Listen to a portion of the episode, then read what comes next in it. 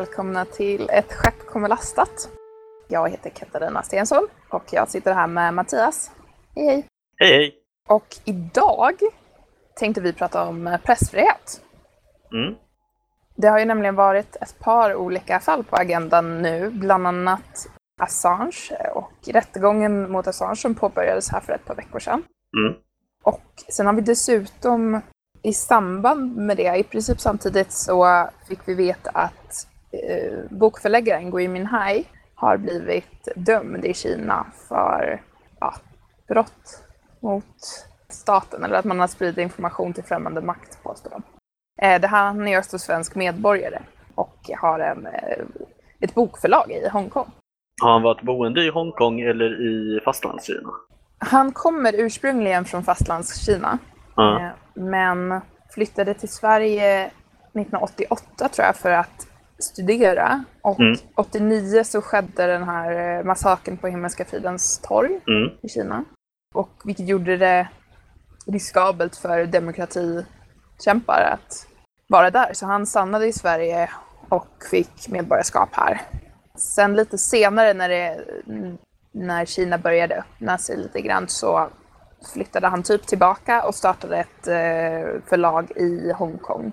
Mm. Jag vet inte om han bodde i Kina eller i Hongkong. Jag tror att han bodde i Hongkong framför allt. Ja, okej. Och han gav ut regimkritiska böcker då eller? Ja, precis. Han eh, skrev, eller de, de gav ut böcker om framförallt då kommunistpartiet, till exempel om korruption som har skett Mm. där. Men också så här mer personliga grejer om typ ledarnas eh, de skulle precis nu publicera, tydligen förra, eh, förra året innan, eller innan han blev gripen, skulle de precis publicera en bok om Xi Jinping och hans älskarinnor. Okej. Ja, det är inte så poppis kan jag tänka mig. Det var inte så poppis. Eh, nej. Så det, det är olika typer av regimkritiska böcker. Mm. Och han har då dömts för eh, så här, hot mot rikets säkerhet eller något, något sånt där hittepåbrott i Kina. Alltså det har varit flera vändor. Han blev först gripen i Thailand tror jag när han var där på, där på semester 2015. Mm.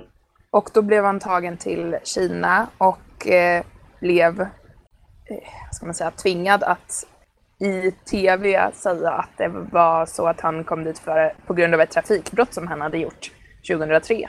Okej. Det är därför han var fängslad. Eh, Att han hade råkat köra på någon 13-åring eller något sånt. Ja. Och att det var det straff han avtjänade. Man, det finns väl dock ganska starka krav på att det, det, var, det var under hot från... Eller ganska starka bevis för att det var under hot från eh, kinesiska regeringen. Mm. Och sen så blev han under ett tag släppt men fick reserestriktioner så han fick inte lämna Kina. Eh, Mm. Och sen blev han igen då eh, fängslad. Jag kommer inte ihåg när det var, om det var 2008, 18 kanske. Mm. Och blev nu dömd då för mellan, eh, vad ska man säga, i princip spioneri fast inte av grövsta slaget utan att man har delgett eh, information till främmande makt. Okej. Mm. Som då har ett straff på 5 till 10 år och han har fått 10 års fängelse för det här. Eh, man tror visserligen att, han ska, att de drar bort den tid han har suttit fängslad nu. Eh, eller suttit frihetsberövad så att det blir lite mindre än 10 år kanske. Men eh, det är fortfarande Ja, det är, dels är det oklart vad, vad det är för främmande makt han har delat information. Man antar väl att det är Sverige då eftersom att han har bott här, men eh, det finns ju inget, eh, ingen information kring det. Man, har inte, man har inte försökt liksom visa vilken information han ska ha delat. Eller det kanske är hemlighetsstämplat oavsett. Alltså det har varit extremt dålig transparens över, överlag. Det har varit... Eh, 2015 när det här började så ansåg man i Sverige att man hade ganska god relation med Kina och eh, eftersom ekonomin växte i Kina så ville man ha bra relationer för, för att man kunde bygga, bygga vad ska man säga, bra affärsrelationer. Mm. Sen har det delvis på grund av det här fallet med Green High blivit kallare och kallare relationer mellan Sverige och Kina och man har fått mindre och mindre information om vad som händer. Man har fått väldigt mycket kritik från eh, Kinas ambassadör här till exempel att man inte ska lägga sig i och eh, de påstår också att han har avsagt sig att han har blivit kinesisk medborgare igen och då avsagt sig sitt svenska medborgarskap och att vi inte har någonting med det att göra. kan man ens avsäga sig medborgarskap? Eh, nej, det är en det går, måste gå igenom en process via UD så att de måste godkänna det. Så han är svensk medborgare mm. enligt svensk lag. Och då vill Sverige enligt sådana här klassiska utlämningsavtal att han ska åka till Sverige för att avtjäna ett eventuellt straff då? Ja, alltså de har inte ens fått insyn i, man visste inte ens, man hade bett om att få vara med under rättegång till exempel, eller få mm. information under rättegången, men eh, man fick ingen som helst information utan en dag kom det plötsligt bara så att han var dömd. Ja. Man fick inte ens information om att det skedde en rättegång. Okej. Okay. Och eh, han har fått eh, en del sådana här eh, priser eh, mm. för yttre, yttrandefrihetspriser, bland annat Svenska PEN mm. gav honom pris här i 20, 2019 tror jag. Och eh, det fick eh, svenska regeringen massor av kritik från Kina då för att man inte hade gått emot det här. Eller för att man hade uppmuntrat det. Det var väl att det var någon minister som var där till och med på prisutdelningen. Liksom. Ja, ja, ja. Mm. Så det är väldigt, väldigt kalla relationer mellan Kina och Sverige just nu. Ja. Det förvånar väl ingen att, eh, att den kinesiska regimen inte är så vänlig mot pressfrihet, tyvärr.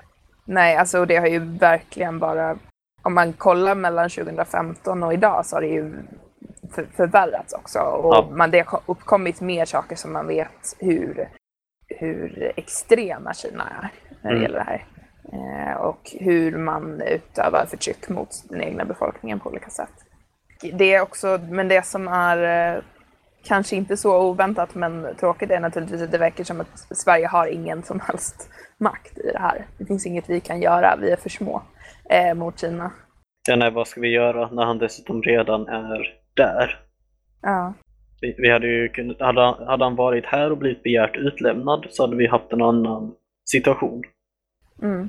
Men vad ska, vad ska Sverige göra och skicka, ett, skicka folk för att försöka hämta ut eh, honom? Liksom? Mm. Om Kina säger nej, han, han ska sitta här så ja, ja. det är inte mycket att göra. det är ju inte det. Men det är också Frågan är vad, om, det hade, om det finns någon som kan stå emot Kina och ställa krav på dem. Det är i princip så att man då måste gå ihop hela resten av världen på något sätt. Frågan är om det skulle hjälpa heller. Det är så... Jo, men det, alltså, eh, Kina är ju inte helt ointegrerat i världsmarknaden. Så jag tror att till exempel hela EU kan ställa vissa typer av krav. Och, och går man mm. ihop med USA kan man ställa ännu fler. Liksom. Men det är ju inte så att Kina saknar styrkor i en sån diskussion. Nej, för vi drabbas ju också, alltså man skulle ha olika typer av handelssanktioner och sånt. Ja. Vilket väl är det som kanske skulle funka för att Kina får ju väldigt, alltså väldigt mycket av ekonomin är beroende av eh, export från Kina. Mm. Men eh, de, samtidigt är de också ett, alltså de är ett stort land i sig, så de är kanske ibland mindre beroende av exporten vad vi är beroende av importen från Kina. Ja, alltså det är ju ett ömsesidigt beroende, men det är också så ifall vi har en situation där vi har en part som exporterar och en annan som importerar och den handeln bryter ner, så vet ju jag vilken sida jag vill vara på. Den sidan som klarar av att producera någonting.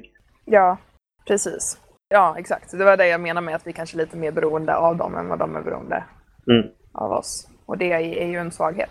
Ja. Men jag tycker det är intressant ur ett eh, alltså, global maktperspektiv. Alltså det är oroande vilken stor makt eh, Kina har.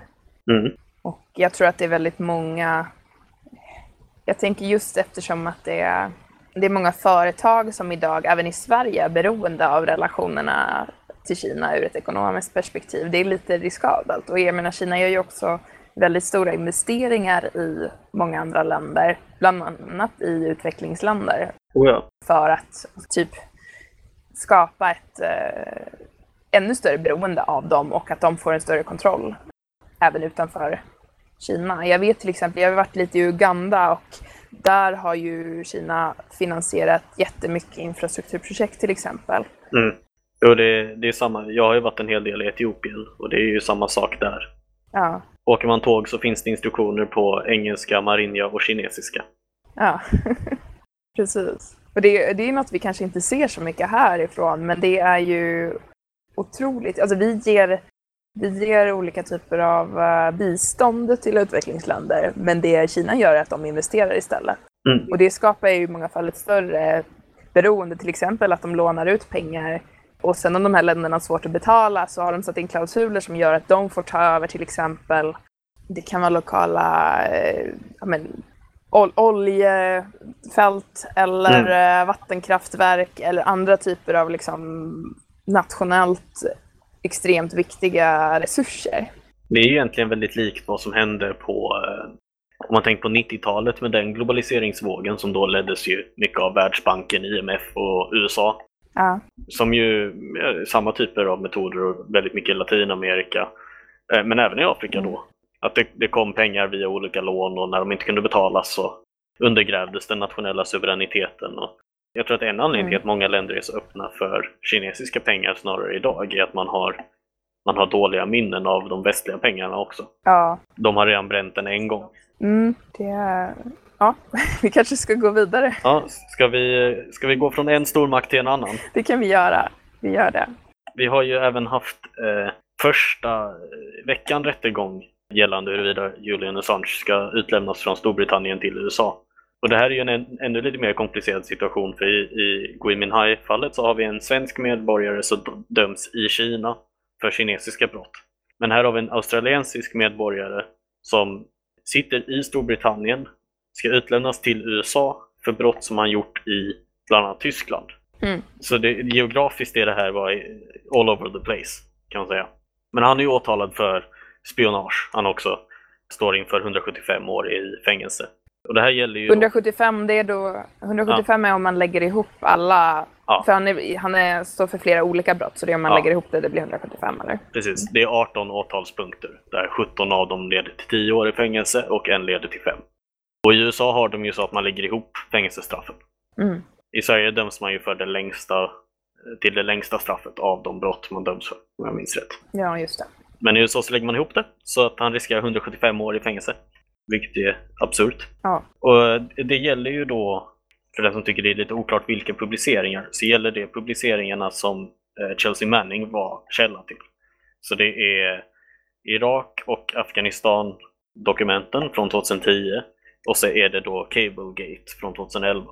Kan du berätta lite mer om de här olika dokumenten? Vad var det faktiskt som de avslöjade? Jo, det, alltså det, det är ju otroligt många dokument. Cablegate tror jag var 300 000 dokument, något sånt. Så det är väldigt mycket och de har ju använts i diverse olika rättsfall i hela världen. Men om man tar några exempel från varje så Irak-dokumenten visade bland annat eh, tiotusentals civila dödsfall som hade hemlighållits. De avslöjade mer eller mindre institutionaliserad eh, tortyr i Irak. Eh, och att metoden man använde var att låta irakisk polis och militär utföra tortyren eftersom amerikanska soldater inte fick lov att göra det. Och, och då, det som avslöjades var ju då att amerikanska soldater visste precis vad som hände. Så det, det var ju stora punkter då från den irakiska läckan. I Afghanistan var då, gäller det också mycket hemlighållna civila dödsfall. Eh, I båda två så fanns det ju flera då rapporter om medvetna attacker på civila, olika krigsbrott. Från Irak så är det kanske det mest kända faktiskt egentligen den här videon, Collateral Murder, som ju visar hur amerikanska helikopterpiloter först skjuter eh, en journalist och en civil person som de hävdar då ser ut som de har vapen.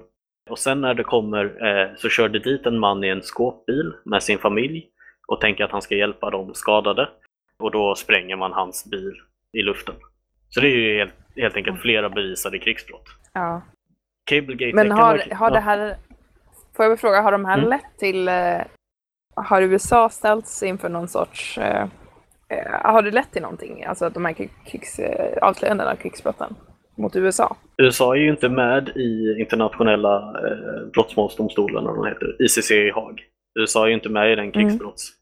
Så att de har inte ställts inför detta som land. Och jag för mig att man hade en undersökning då mot de här helikopterpiloterna och Pentagon kom fram till att nej men de gjorde inget fel. Okej, i USA kom man då fram till att de inte hade gjort något fel? Mm. För det är bara där de kan dömas då i så fall. Ja, precis. Mm. Och ja då, den tredje läckan som ju då är Cablegate, det gäller amerikansk diplomatisk kommunikation från typ 74 till eh, 2011 då. Eh, och där fanns det ju jättemånga olika saker. Eh, från det liksom mundana att det var någon som skrev att Carl Bildt var en jobbig politiker som trodde att han hade större makt än vad han egentligen hade. Eh, a small dog with a big mouth, tror jag var formuleringen de använde. Just det. Det har, det har man ju hört. Ja. Eh, och sen så var det ju större saker som gällde eh, korruption i Ryssland och eh, en hel massa andra saker. Så det är de läckorna man ställs inför rätta för. Mm.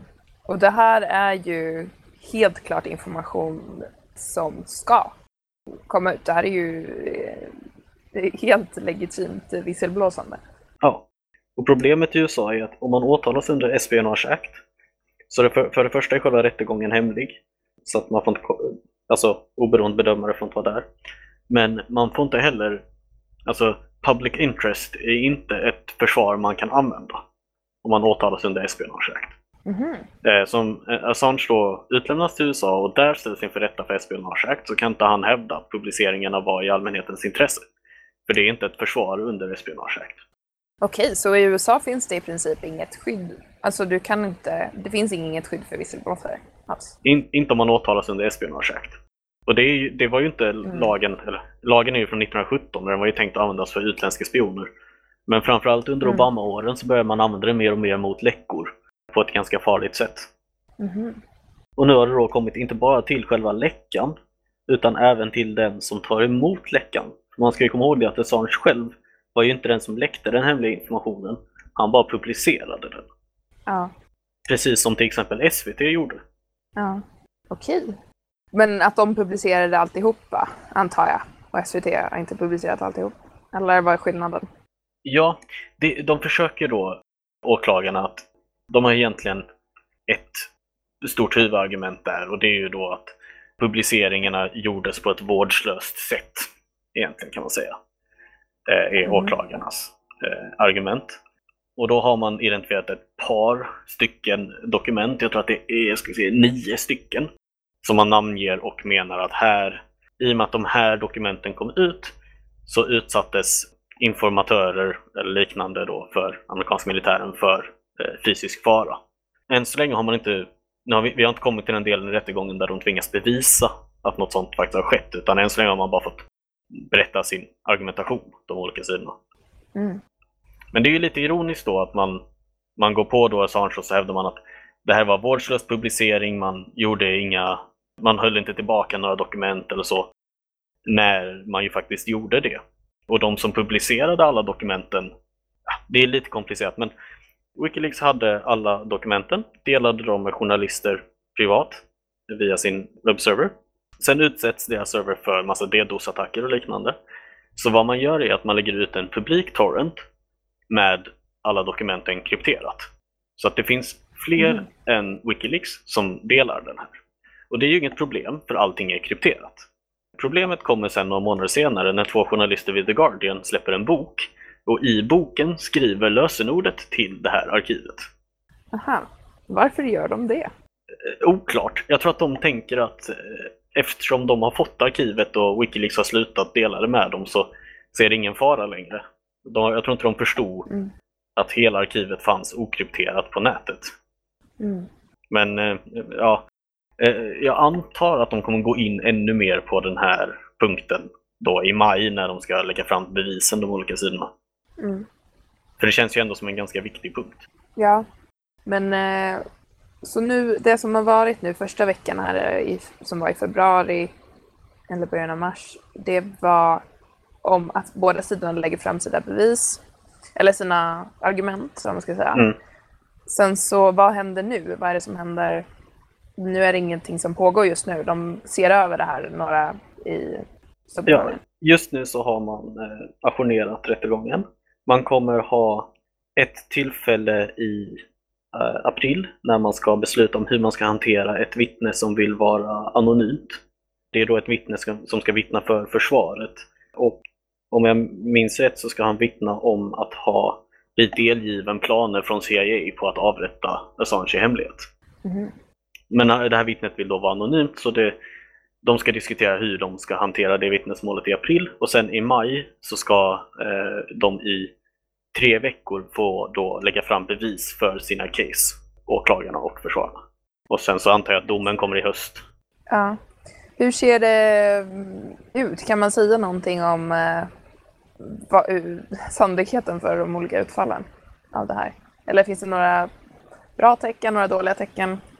Ja, bra tecken är ju sånt som leder till att Assange inte utlämnas i, i vår synvinkel då. Och det finns ett mm. par saker som tyder på det.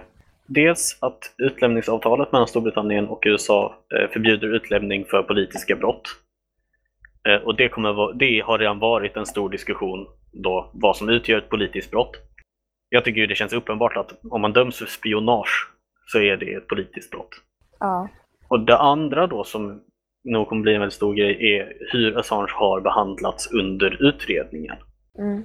Att man till exempel har avlyssnat eh, hans möten med sina advokater, eh, att han utsatts för tortyr i Belmarsh och eh, så vidare. För det är ju väldigt vanligt då att om man under utredningen har utsatt någon för inhumant behandlande eller liknande så underkänns hela åtalet. Mm. Så det är väl det som gör att det ser ljust ut.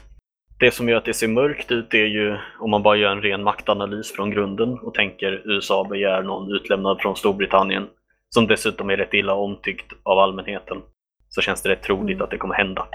Ja, jag läste också någonting om att domaren mm. är, eller är domaren är, är lite tveksam om den är partisk på ett eller annat sätt.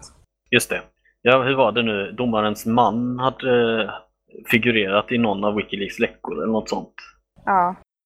Så det fanns en conflict of interest där i alla fall på, på något sätt. Och det var ju en intressant episod under den här första veckan. att Assange hålls ju då i en glasbur eh, under rättegången och eh, kan mm. inte prata med sina eh, advokater utom genom små hål i glaset vid golvet på hans bur. Okej. Okay. Och varför är det så? För att han sitter i högsäkerhetsfängelse. Ja.